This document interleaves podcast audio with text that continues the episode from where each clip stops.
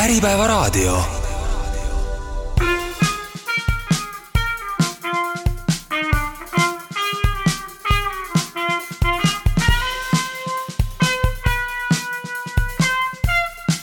Soraneni sagedus, mitu arvamust, üks eesmärk. tere kuulamast Soraneni sageduse järjekordset saadet. seekord on meil tegemist siis aastalõpusaatega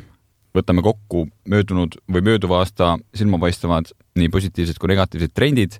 ja suundumused äh,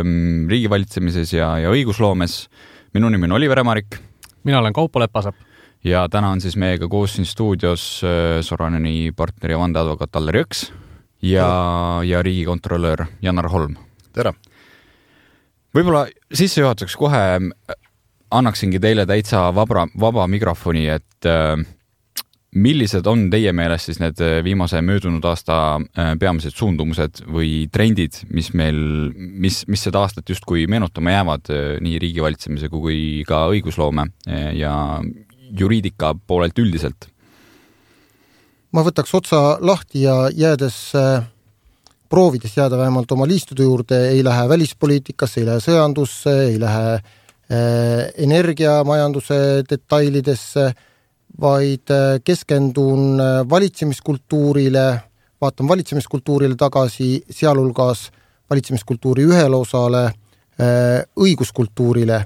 Ja, ja minu arvates kahe tuhande kahekümne teine aasta läheb meil vastuolulisena ajalukku, ühest küljest on suurenenud õigusloomes ehk seaduste tegemisel, kuidas nüüd öelda, põhiseadusleigus ehk ükskõik milliseid näiteks ettevõtjaid piiravaid seadusi ei, vastu ei võetaks, nende põhiseaduspärasust ehk kas need on ilmtingimata sellisel moel vajalikud, ei analüüsita. Vastupidine jälle positiivne näide on sellest aastast tuua, et, et valitsemiskultuuris on otsuseid, iseloomustab otsuste kiire vastuvõtmine tulenevalt nendest kriisidest, mis meil on, noh, võime ju meenutada erinevaid seadusi, mis on kusjuures kvaliteetselt, aga kiiresti, kiiresti vastu võetud, et, et võib-olla see valitsemiskultuuri ja põhiseaduse nii-öelda kokkupuutepunktid, mis kogumis tegelikult tingivad ju ka siis kas Eesti konkurentsivõime suurenemise, seadused on kvaliteetsed, või siis halvenemise, juhul kui nad on, on nõrgemad. jah, eks see aasta on äh selles mõttes eriline aasta, et äh, vahetus valitsus. tuli uus valitsus ja mida see riigi jaoks tähendab, see tähendab alati uut koalitsioonilepingut, mis tähendab äh, palju uusi otsuseid ja kui Riigikontrolli poolt vaadata, siis see tähendab ka uut survet äh, riigi rahakotile, ehk kõik otsused maksavad ja, ja nagu siin Allar viitas, siis siis on, on tehtud ka väga kiireid otsuseid, tõesti kiirete otsuste puhul on alati see risk, et äh, midagi jääb tähelepanuta, aga ma jagan kindlasti seda arvamust, et sellel aastal need, mis puudutasid kiiret äh, õigusloomet, siin erinevad eelnõud, äh, eestikeelsele õppele üleminek näiteks või või siis ka noh, nagu siin viide oli, meil on elektrienergia hinnaga toimetulekuga seotud, seotud paketid, siis kindlasti ma tooks esile suurepärase näitena Äh, eestikeelsele õppele ülemineku seaduse seletuskirja, mis on ligi, ligi sajal leheküljel ja minu meelest päris hästi igakülgselt äh, räägib ka nendest probleemidest ja mõjudest, mida tuleb sellega äh, arvestada. Ja ma arvan, et see võiks olla päris hea eeskuju ka, ka paljude teiste õigusaktide jaoks. Riigikontrolli jaoks oleme me alati jälginud ka seda, et seda nagu Riigikogu rolli öö, otsustusprotsessis üks asi on riigieelarve kui selline, mille arusaadavast selgusest me oleme rääkinud, ma siin pikemalt sellest isegi täna võib-olla ei räägi, aga, aga teine Riigikogu roll sellistes väga põhimõttelistes äh, küsimustes, nagu näiteks käesoleva aasta alguses, võib-olla osaliselt ka eelmise aasta lõpus toimunud Fit viiskümmend viis või Eesmärk viiskümmend viis siis põhimõtete arutelu riigis ja, ja, ja väike mure sellepärast, et, et Riigikogu äh, nii-öelda võib-olla kohati käsitleti ka selles protsessis äh, kummitemplina, kus, äh, kus tõesti väga vähe aega jäi Riigikogul äh, niivõrd olulise Eesti elu aastateks mõjutava paketi arutelul valitsuse poolt esitatud seisukohtade arutelul, et õnneks võttis Riigikogu vastav komisjon Siim Kallase juhtimisel aja maha ka, et, et pikemalt mõelda aga ma arvan, et see on üks koht ka tuleviku jaoks, kus, kus arutada selle üle, kus strateegilistes küsimustes Riigikogu rolli tuleb suurendada, võib-olla paar sellist asja, mida ma praegu välja tooksin. ma tooks siit kohe ühe jälle vastupidise näite, kus äh, siseriiklikult on Euroopa Liidu äh, mingi õigusinitsiatiivi ülevõtmisel tegelikult äh, väga hästi Eesti riik toiminud ja see oli, see oli kusagil hilis,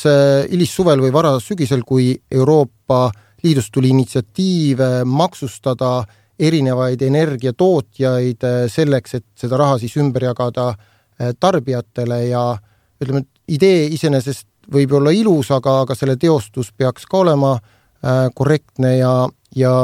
seal oli ju küsimus selles, et sisuliselt taheti kehtestada solidaarsusmaks, aga selle tegemiseks oleks vaja olnud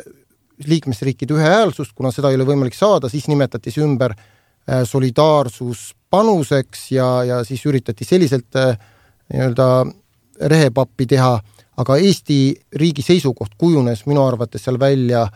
väga tasakaalukas, aga selle üheks põhjuseks oli ka see, et kuulati, kuulati tegelikult erinevaid huvigruppe ja ja võeti natukene aega, kuigi seal oli ka väga kitsas ajaraamistik, nii et ma tooks, ütleme, et see on, see on teine näide jälle, kus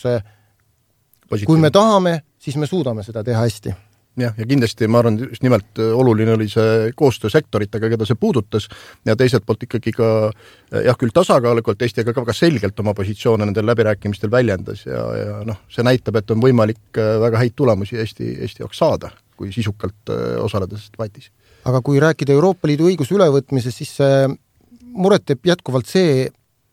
trend, et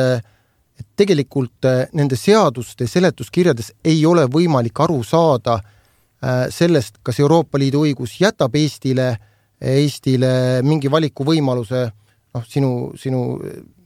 endine näide, et, et kas seda asja kaevata ekskavaatoriga, kopaga või, või näpuga uuristada. noh, Euroopa Liidu tihtipeale jätab selle valikuvõimaluse, aga, aga Eestis tihtipeale kas teadmatusest, soovimatusest või, või oskamatusest öeldakse, et me teeme kõike kopaga, mis tähendab seda, et, et noh, kannatanuid on rohkem, Eesti ettevõtluskeskkond halveneb ja riigi kulud, kulud suurenevad. ja, ja see on tegelikult trend, mida noh, ei, ei, ei oskagi öelda, kuidas seda võiks pidurdada. ja probleemiks siis see, et et ei tule ka nendest seletuskirjadest ju välja, kus see mõjuhinnang peaks olema ja põhjendus selle meetodi valikuks, et miks just kopaga, mitte kühvli või, või labidaga, et seda regulatsiooni täpsemaks saada, et see on kindlasti see küsimus. võimalik, et on paljudel juhtudel see selgitus olemas, aga aga kui seda ei ole, ei ole võimalik selle üle ka sisukalt arutada. no just, ja siis ei ole mõtet süüdistada Riigikogu. Me siin saate alguses leppisimegi kokku, et me oleme siin amatöörküsijad ja meie saatejuhi, saatekülalised on professionaalsed vastajad, et nad tulevad ja räägivad, et äh, lihtsalt äh, saatekuulajatele tahan öelda, et me oleme Oliveriga ka veel ikkagi veel eetris, aga me kohe uuesti lähme ära Äh, tegelikult seesama Euroopa Liidu õiguse ülevõtmise teema, et me kuuleme sageli ettevõtjate käest kriitikat, et see täpselt nii, nagu Allar ütles, et et kiputakse seadusi, Euroopa Liidu õigust üle võtma nagu kõige karmimal viisil. Või siis teine nagu fenomen on see, et Prantsuse seadusi tõl-, rakendatakse presitäpsusega et äh, kas see on, on nagu mure, mida, mis paistab silma ka äh, Riigikontrolli vaates, olete te ka seda märganud või see on, äh, see on pigem nagu selline kaasusepõhine vaade? ja ma korra täpsustan, et eks ma olen ka rohkem Riigikontrolli vaates professionaalne küsija, et vastajad on, vastajad on teised, et äh, aga, aga ütleme, see Riigikontrolli fookus on natuke teine ja, ja, ja võib-olla päris igapäevaselt me me seda vaadet, kuidas toimub äh, Euroopa Liidu õiguse ülevõtmine, ei jälgi, et loomulikult, kui me vaatame mõnda konkreetset spetsiifilist teemat, mida me auditeerime, siis, äh, siis me kindlasti tunneme ka selle vastu huvi, et miks see valik on, valik on äh, ühte või teistpidi tehtud. Üks, üks probleem, küsima, küsida tuleks, et miks see nii on, et me, me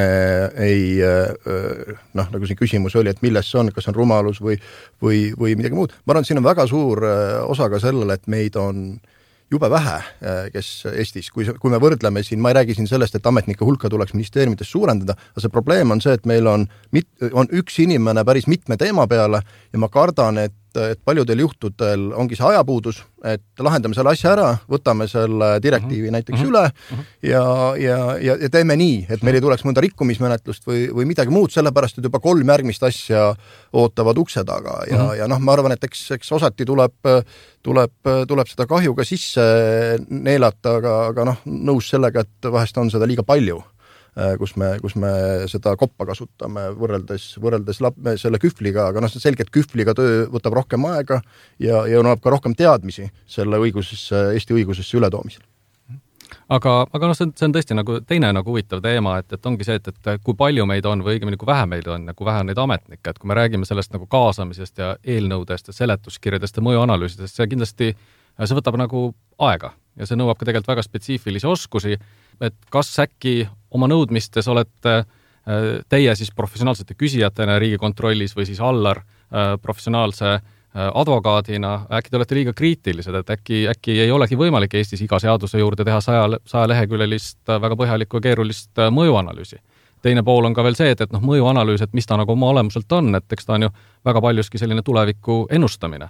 et kas nüüd tuleviku ennustamine muutub paremaks sellest, kui ta on kümne lehekülje asemel sada või, või sada viiskümmend lehekülge, et kas kas te nagu, nagu näete seda, et, et tegelikult need nõudmised, mis võib-olla kaasusepõhiselt on, on, on Riigikontrollil või siis, või siis Allaril, et kas neid tegelikult on üleüldiselt võimalik täita ka kõikide teiste ülejäänud sadade ja sadade seaduste puhul, mis meil Eestis vastu võetakse. riigikogus on sada üks liiget. ma arvan, et ega siin ühtegi head retsepti ei ole aga, aga, aga terve mõistuse kasutamine ei ole ju Eestis veel endiselt ei ole nagu keelatud, ehk tegelikult peaks vaatama seda seadust, kui on tegemist rohkem sellise tehnilise seadusega, mille mõjusid, mille puhul on näha, et see ei puuduta oluliselt näiteks ettevõtlusvabadust, omandi põhiõigust, siis seal võiks olla see nii-öelda lihtsamalt äh, need mõjud hinnatud ja põhiseaduspärasust analüüsitud, samas on väga intensiivselt riivavaid äh, ettevõtlusvabadust riivavaid seadusi, kus, kus tegelikult on häda, on möödapääsmatu see analüüs teha, et ma arvan, et, et seal tuleks kusagil nagu noh, filt-, filtreerida, sest ja ma ei usu, et aega ei ole, sellepärast et tegelikult noh, e-, selle aasta, kahekümne teise aasta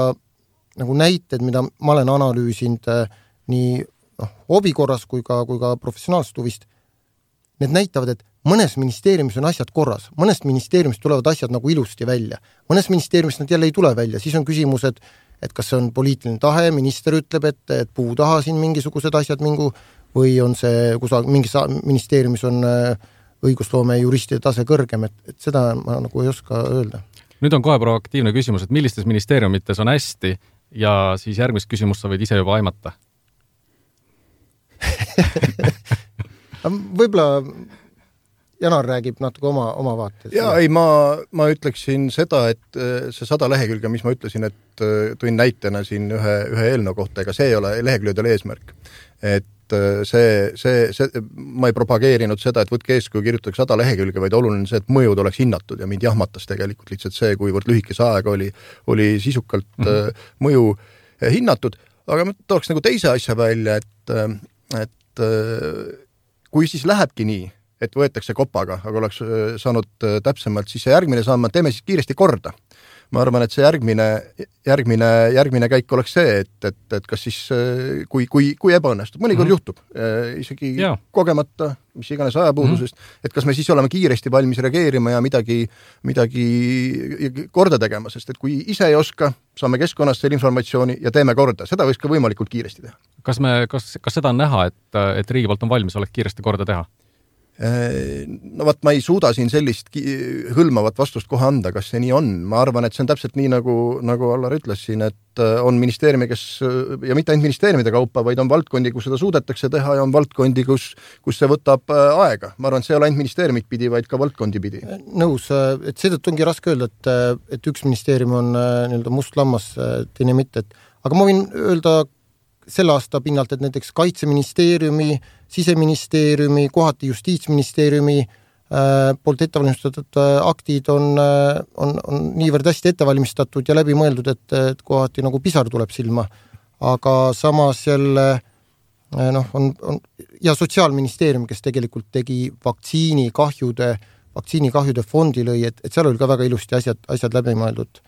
et aga noh, ütleme negatiivseid näiteid ei taha aasta lõpus äh, esile tuua, ei taha kellegi kõik ülejäänud tähendab see tegelikult. No meil siiski selles mõttes, et, et, et ka tegelikult seesama äh, näide sellest eestikeelsele haridusele üleminekust, et noh, ma saan aru, et ka haridusminist-, Haridus- ja Teadusministeerium sai siin, sai siin kiita. Ja aga, aga noh, tõesti, et, et kas siis võib-olla see trend on nagu see, et, et kui mingid suured ühiskonna jaoks nagu olulised asjad, et neid me suudame tegelikult väga kenasti analüüsida, väga põhjalikult analüüsida, see tõesti eestikeelsele õppele üleminek oli ilmselt nagu üks äh, aasta suurema mõjuga äh, otsuseid väga pikas plaanis selles suunas, mis Eesti kujuneb, seal me saame nagu hakkama, võib-olla vead kipuvad juhtuma siis seal, kus, kus äh, nagu tähelepanu ei ole nii suur ma olen mingis mõttes nõus, et kui avalikkuse tähelepanu, avalikkuse nõudlikkus on suurem ja, ja nii-öelda see prožektor on sinna peale pandud, siis tihtipeale ei julgeta enam niisama tuimalt äh, läbi, läbi kolme lugemise ratsutada. et ma arvan, et, et see avalikkuse nõudlikkus ja, ja, ja meedia tähelepanu on kindlasti, kindlasti olulised selle, selle ploki lõpetuseks küsiksin korra seda, et kui me seda saadet ette valmistasime, Allar, sa tõid välja ka selle, et et möödunud aastal siis sidus valitsus kõige enam eelnõusid usaldusküsimusega. et mida see nagu näitab või miks nüüd sellel möödunud aastal siis järsku toimus selline tõus äh, usaldus, usaldusküsimusega sidumisel selle eelnõu menetlemisel? Tegelikult äh, usaldushääletuste liiga tihti kasutamine on märk äh,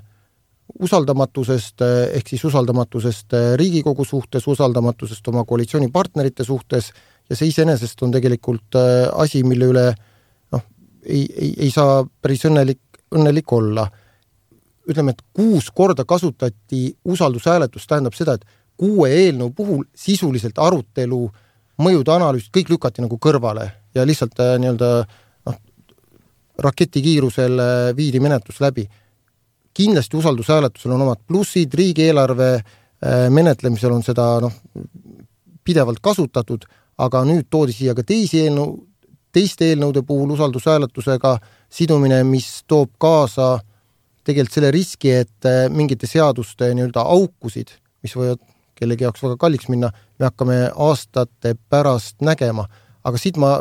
jõuaks nagu järgmise trendini, mis puudutab äh, valitsemiskultuuri nagu järgmist osist ehk poliitilist kultuuri, ennem me rääkisime õiguskultuurist, kus oli noh, plusse ja miinuseid. Valitsemiskultuurist minule kahe tuhande kahekümne teisel aastal jääb silma täpselt just see usaldushääletustega nagu sidumine liiga suures mahus, teiseks see kergus, millega suvel nii-öelda Kaja Kallase esimene valitsus muutus,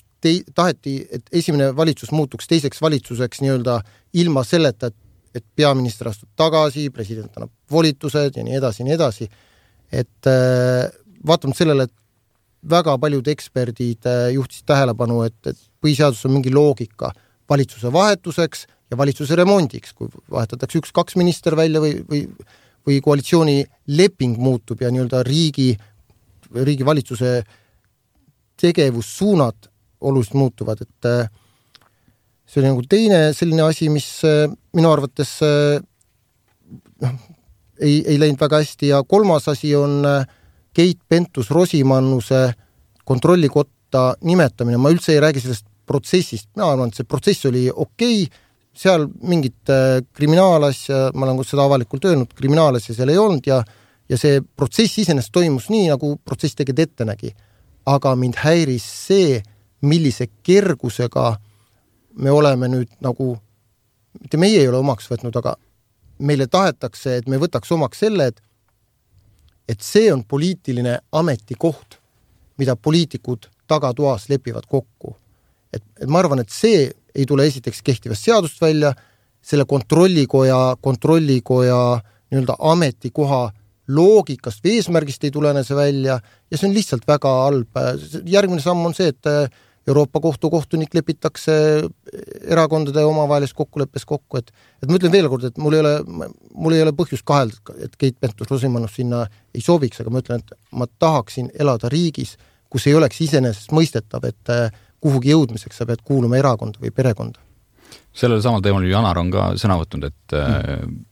mul, mul on jah, see, see selle usaldushääletusega seonduvalt veel selle sidumisega seonduvalt, et miks see probleem on. probleem on ju tegelikult selles, et see on see koht, kus ka valitsus võtab initsiatiivi seadusandliku organi ees ehk Riigikogu ees, ta määrab tähtaja, millal arutatakse sisuliselt ja, ja, ja ei toimu debatti. ja, ja, ja tõepoolest see on probleem, kui see muutub liiga laiaulatuslikuks, miks? Tõepoolest sellepärast, et need nii-öelda äh, vaated või ütleme, need, need probleemid või me oleme niivõrd äh, polariseerunud oma valikutes ja see oskust koostööd teha nendes küsimustes ei ole, ma arvan, et valimised tulevad, ega see ju olukord paremaks ei lähe. küsimus on selles, et äh, kuidas õppida ära see, et tulebki kompromisse rohkem tegema hakata, aga alati jääb neid küsimusi, kus kompromissi ei ole võimalik teha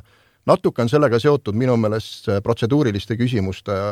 laviin, mis on, mis on Riigikogus, kus, mis on natuke nagu teine teema, aga see näitab natuke seda omavahelise suhtlemise viisi, et kus seda kasutatakse võib-olla hoopis teistel eesmärkidel, kui, kui seadus ette näeb, aga mina kindlasti Riigikontroll riigikontrolörina seda nagu laiemalt võib-olla kommenteerida ei taha. see, mis puudutab kontrollikoja liikme määramist, siis tõepoolest, minu meelest tuleks ikkagi riigis selgelt rääkida millised on poliitilised ametikohad ja millised ei ole poliitilised äh, ametikohad, et tuleks, äh, tuleks see selgus äh, luua, vaieldamatult on praegu see ametikoht muudetud poliitiliseks. see ei ole ebaseaduslik, aga kas on põhjendatud mhm. sellise, sellise tee valimine, et tõepoolest Kontrollikojas on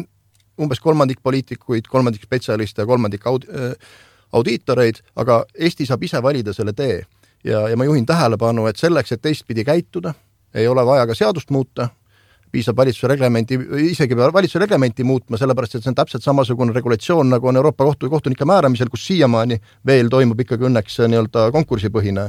lähenemine ja, ja mina, mina arvan, et äh, kindlasti oleks mõtet see otsus lõpuks ära teha, mitte jälle, kui tuleb järgmine kord, äh, et, et siis arutame, et kas järgmine kord äh, või siis ülejärgmine kord tuleks, tuleks targemini teha. aga praegu on ju selgelt, kui te mäletate, ka koalitsiooni läbirääkimiste ajal oli ta üks osa sellest, kus ajakirjanikud küsisid, kas te ka selles kokku leppisite, kes läheb kontrollikotta. no ei saa nii olla, et selliseid asju ei peaks ilmtingimata seal kokku leppima äh, oli meil siin kirglik arutelu äh, teatud selliste äh, ametikohtade täitmisest, kas nad peaksid olema poliitilised, mittepoliitilised, et et, et Allar jutust jäi mul kõrva see, et, et, et poliitikud otsekui ei tohiks kõrgeid Eesti esindajaid määrata või kõrgeid ametnikke, aga noh, teisipidi on jällegi just poliitikud need, kes on tegelikult äh, valitud, kes siis peaks otsustama, mingisugused tundmatud salajased ekspertkomisjonid, kus kindlasti on oma valdkonnas tippspetsialistid, aga kellel ei ole lihtsalt sellist asja nagu avalikkuse mandaat? ma arvan, et õigem oleks siin hoida lahus kaks asja, üks on see, et äh, milline on ametisse nimetamise protseduur ja vaieldamatult see on poliitiline kui kellegi nimetab ametisse Riigikogu, kui kellegi nimetab ametisse valitsus, kellegi nimetab ametisse minister, siis on see poliitiline ametisse nimetamise protseduur. aga küsimus on, kes on või milline peab olema see inimene, keda ametisse nimetatakse. kontrollikoja kandidaadi puhul on leitud, et see on see inimene, kelle valivad no ütleme siis koalitsiooni, koalitsioonierakonnad omavahel. tegelikult peaks olema see avatud igalühele, ka nendele kes äh, ei, äh, ei kuulu äh, valitsuses olevate erakondade favoriitide hulka, see on täpselt samamoodi, kui võiks öelda, et kuna parlament nimetab ametisse riigikontrolöri ja õiguskantsleri, siis järgmine koalitsioon lepib kokku, et, et kelle nad sinna mm, nendele ametikohtadele panevad, aga see ametikoht peab olema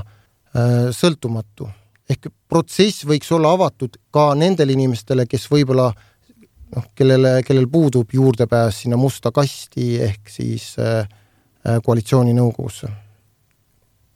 riigikontrolörina ma noh, ma, ma ei taha ka öelda, et ilmtingimata peab tulemus olema see, et poliitik ei tohi olla, noh, ma arvan, et see see, see ei olnud mõte, jah. see, see, see lihtsalt, et oleks selge, kas on poliitiline ametikoht, ei ole mm -hmm. poliitiline ametikoht, et selle, selle üle ka sisuliselt arutada ja, ja noh, loomulikult tõesti teine asi on protseduur, et äh, ka praegu ju tegelikult, kui kui siin äh, Euroopa Komisjoni esindaja Eestis, äh, Eesti esindaja ka Euroopa Komisjonis peab käima Riigikogus komisjoni ees ja,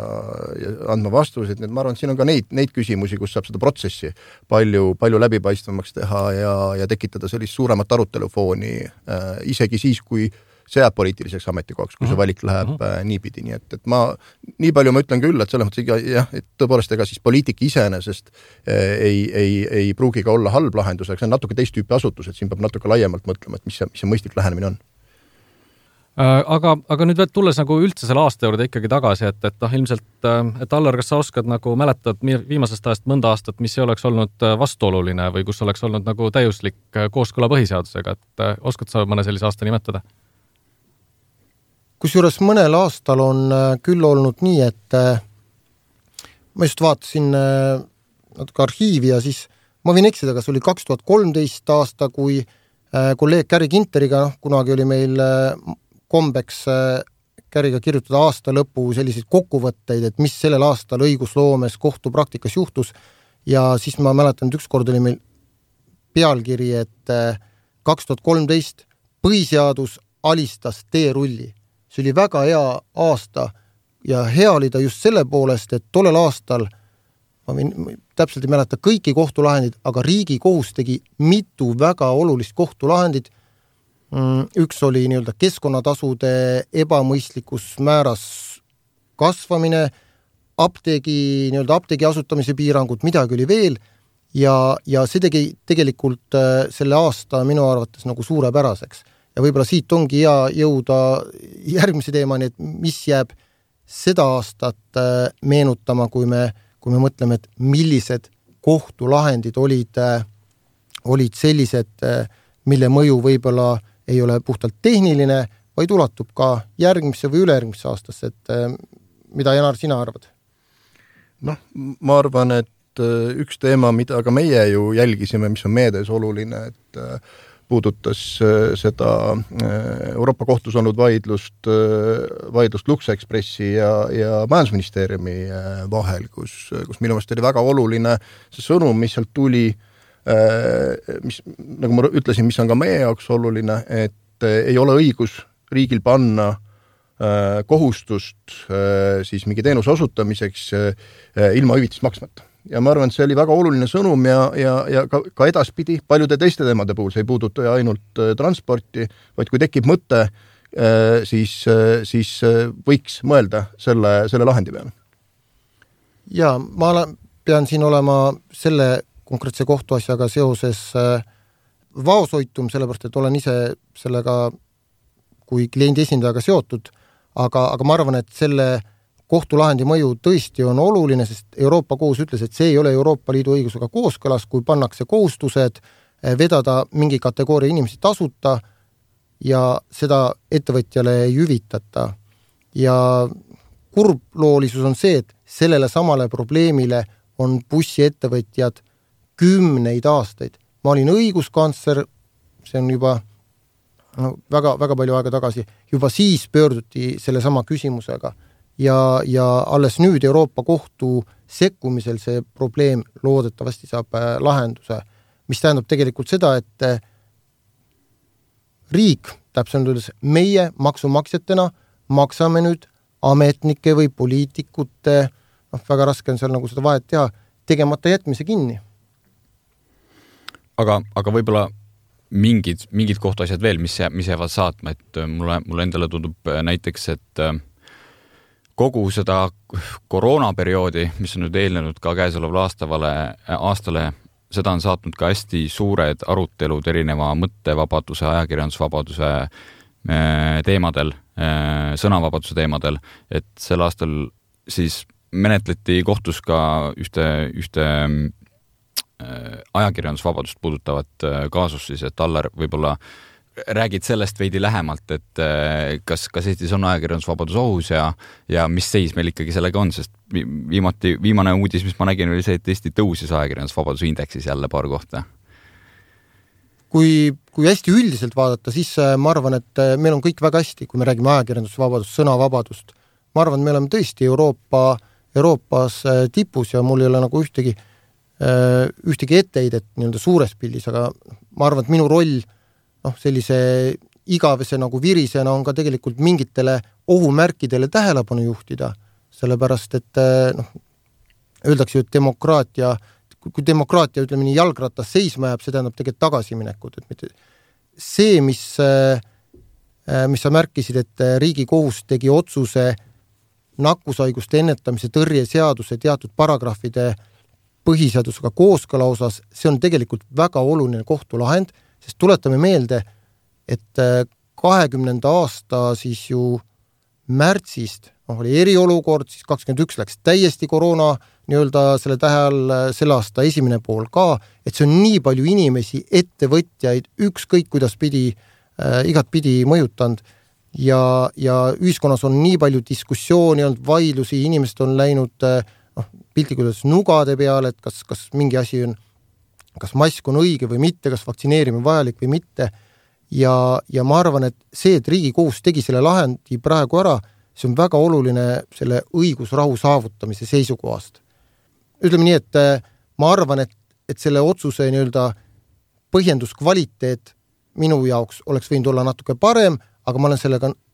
selles mõttes nõus, et ta lahendas ühe probleemi praegu ära ja seadis ka mingisugused, äh, mingisugused nii-öelda piirid selleks, kuidas järgmistel kordadel kriisides tegutseda, sest öö, oleme ausad, ega valitsuse olukord ei olnud ka ju lihtne, et noh, keegi on sellist kriisi näinud, kiiresti tuli reageerida ja siis noh, tihtipeale parema äranägemise järgi ja katse-eksituse meetodil neid asju tehti. aga praegu Riigikohus pani seal paar nii-öelda punast joont maha, kus ta ütles, et et isegi kriisiolukorras noh, vot sellest punasest joonest ei tohi üle minna. mis need punased jooned olid ja mis need juhised olid äh, sinu kui tunnustatud eksperdi jaoks? seal oli näiteks kirjas see, et et kui antakse volitusnorm, siis see kriisisituatsioonis tohib olla natukene üldisem, et sa ei saa kriisisituatsioonis öelda, et et seadusega antakse valitsusele luba kehtestada kaitsemaski kandmise kohustus. ehk siis leitakse mingi natuke laiem mõiste, et valitsusele antakse luba kehtestada teatud enesekaitsevahendite kandmise kohustus või mis iganes. Äh, teiseks oli oluline punane joon see, et Riigikohus ütles, et vaatamata kriisisituatsioonile normide õigusselgus on äh, ühest küljest on oluline, aga samas me ei saa ennast ka kinni reguleerida, tsiteer-, vabandust, defineerides kõiki asju täpselt. sellega on vana ja, vana ja kulunud ütlus on see, et ühtegi kriisi ei tohiks nagu rais-, raisku lasta, et meil on praegu ka, ütleme, tulenevalt sellest, et meil on Eestis ka talv, on meil mitmeid erinevaid probleeme ja niisuguseid kriise eh, lahti rullumas, et eh, kui me võtame puhtalt need kohtulahendid, millest meil praegu juttu oli, kas siis tundub, et me oleme nagu nüüd kuskil paremas kohas tänu sellele, et meil lõpuks käisid näiteks Riigikohtu laualt need läbi ja, ja me oleme mingid õiged järeldused teinud nagu tuleviku tarbeks ka? ma, ma tooks võib-olla siin ühe uue, uue teema sisse mis ka minu arust iseloomustab positiivselt kahe tuhande kahekümne teist aastat, see on see, et äh, olukorras, kus riik ei olnud selleks kriisiks valmis, no ükskõik, millist kriisi me võtame, et äh, et kui me läheme aastaid tagasi, siis nii-öelda koroonakriis, nüüd energiakriis mm,, et äh, riik noh, ei saanud olla päris valmis selleks. aga, aga positiivne oli minu arvates see, et, et seda kompenseeris või täiendas kõik see kogukondlik, vabatahtlik, noh see, kuidas inimesed ju eestimaalased tulid appi ükskõik mida tegema, ütleme, kui me räägime sellest Ukraina, Ukraina sõjast, et et minu arvates nagu see on koostöös riigiga loonud tegelikult selle kuvandi, kus Eesti praegu on, noh, nii-öelda selles Ukraina toetajate rivis, ta on ikka, ikka tugevalt ju noh, mitte isegi kõige esimene. ja noh, lihtsalt selline näide, et kui see sõda oli alanud, siis noh, teisel päeval mu ema helistas, ütles, et et kas sa tead, kus on Ukraina sõjaväe kontonumber, et, et ta tahab äh, pensionist sada eurot sinna saata, noh, ma pidin siis hakkama otsima, aga noh, siis loomulikult sain selle. ja ma arvan, noh, selliseid näiteid on meil tuhandeid. kriisidest rääkides ma arvan, et head kriisi ei lasta rais-, saa lasta raisku minna, nagu, nagu, nagu sa ütlesid siin, et äh, elektri, või energeetikakriis, et, äh, et kas siin võib midagi head olla, aga ma arvan, see, mis on hea tegelikult selle aasta puhul, on see, et me nüüd kõik saame aru, mis olukorras me oleme, et meil on vaja rohkem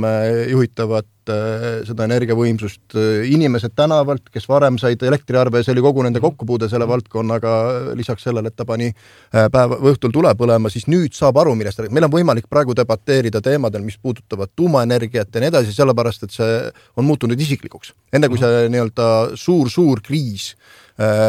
kätte jõudis. Ja ma arvan, et see on, on see koht, kus meil tõesti on nüüd võimalik sisukalt aruteluga edasi minna, vaatamata sellele, et energeetika valdkonnas, vaatamata sellele, et me oleme suurte äh, probleemide seas, nii et, et noh, ma arvan, et kindlasti mis puudutab äh, erinevat sõnavara, siis sõnavara äh, mis puudutab energeetikat, on, on eestlastel nüüd rohkem selge. Ja ma arvan, et füüsikas ka lastel on paremad hinded, kuna koolis kogu aeg kuulevad energia, energeetika valdkonnas erinevaid termineid. Just, ma arvan, et energeetika valdkonnas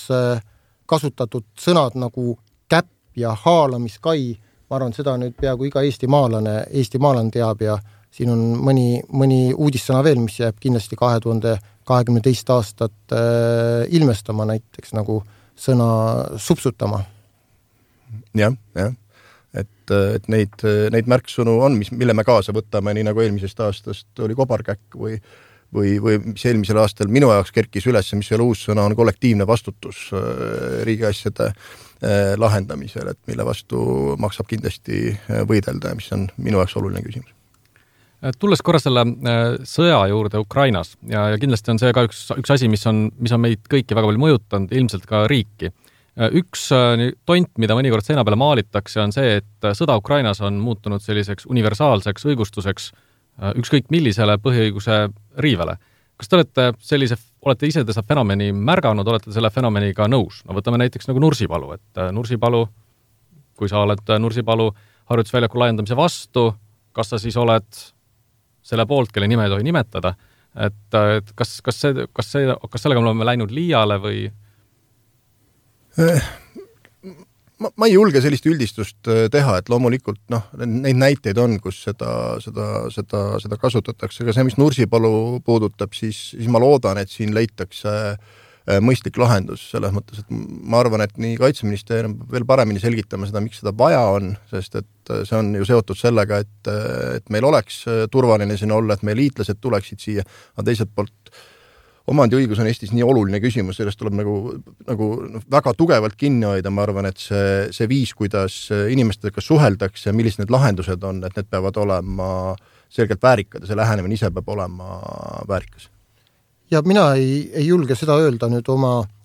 oma kogemuse pinnalt, et äh, Ukraina sõjaga on õigustatud mingeid teisi selle teemaga mitte puutuvaid Äh, põhiõiguste, põhiõiguste riiveid, et tegelikult selles mõttes on, on, on, on ilusti käitutud, aga aga ma olen nõus, et Nursipalu teema saab järgmise aasta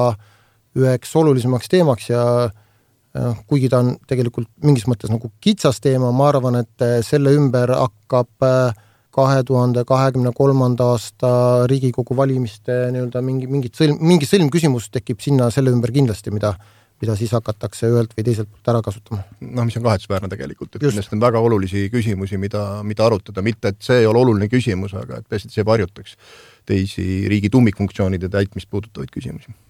kui me siin oleme läbivalt rääkinud, et äh, tegelikult avalik debatt on hea, äh, arutelu on hea, tuleks ühte asja arutada, teist asja arutada, äh, kus kohas see debatt tegelikult toimuma peaks, et võtame sellesama Fit for fifty five, väga suur mõju, väga suur mõju kogu Eesti ühiskonnale me eeldame, et spetsialistid arutasid selle läbi, vist arutati midagi ka valitsuses, Riigikogus juba oli nagu debatti vähe, aga, aga kuidas nagu see, kus kohas see ühiskondlik debatt peaks toimuma või, või kuidas, kuidas seda nagu hästi teha, et me saaksime öelda, et see küsimus on nüüd hästi läbi debateeritud. kolm korda Uue Faktori saates, mõnes eraõiguslikus tele, telekanalis ka, või kuidas seda, kuidas seda nagu saavutada? Üks asi on see, et kas äh, asjadest räägitakse ja, ja noh, eks seda, eks seda on tehtud, aga küsimus on ju ka selles, et mis me selle tarkusega teeme, mis selle arutelu tulemusena sünnib, et kas sellest sünnivad mingisugused kokkulepped, sest küsimus äh, on selles, kuidas me rakendame kogu seda suurt paketti, kui me räägime Fit for fifty five'ist et, et see, see hakkab Eesti elu väga palju mõjutama, see puudutab väga paljusid ettevõtjaid, loomulikult inimesi ja, ja, ja suuremat selgust oleks vaja, et, et ma olen kindlasti nõus ka nende ettevõtjatega, kes on murelikud ja ütlevad, et, et väga hästi, meil ei ole midagi selle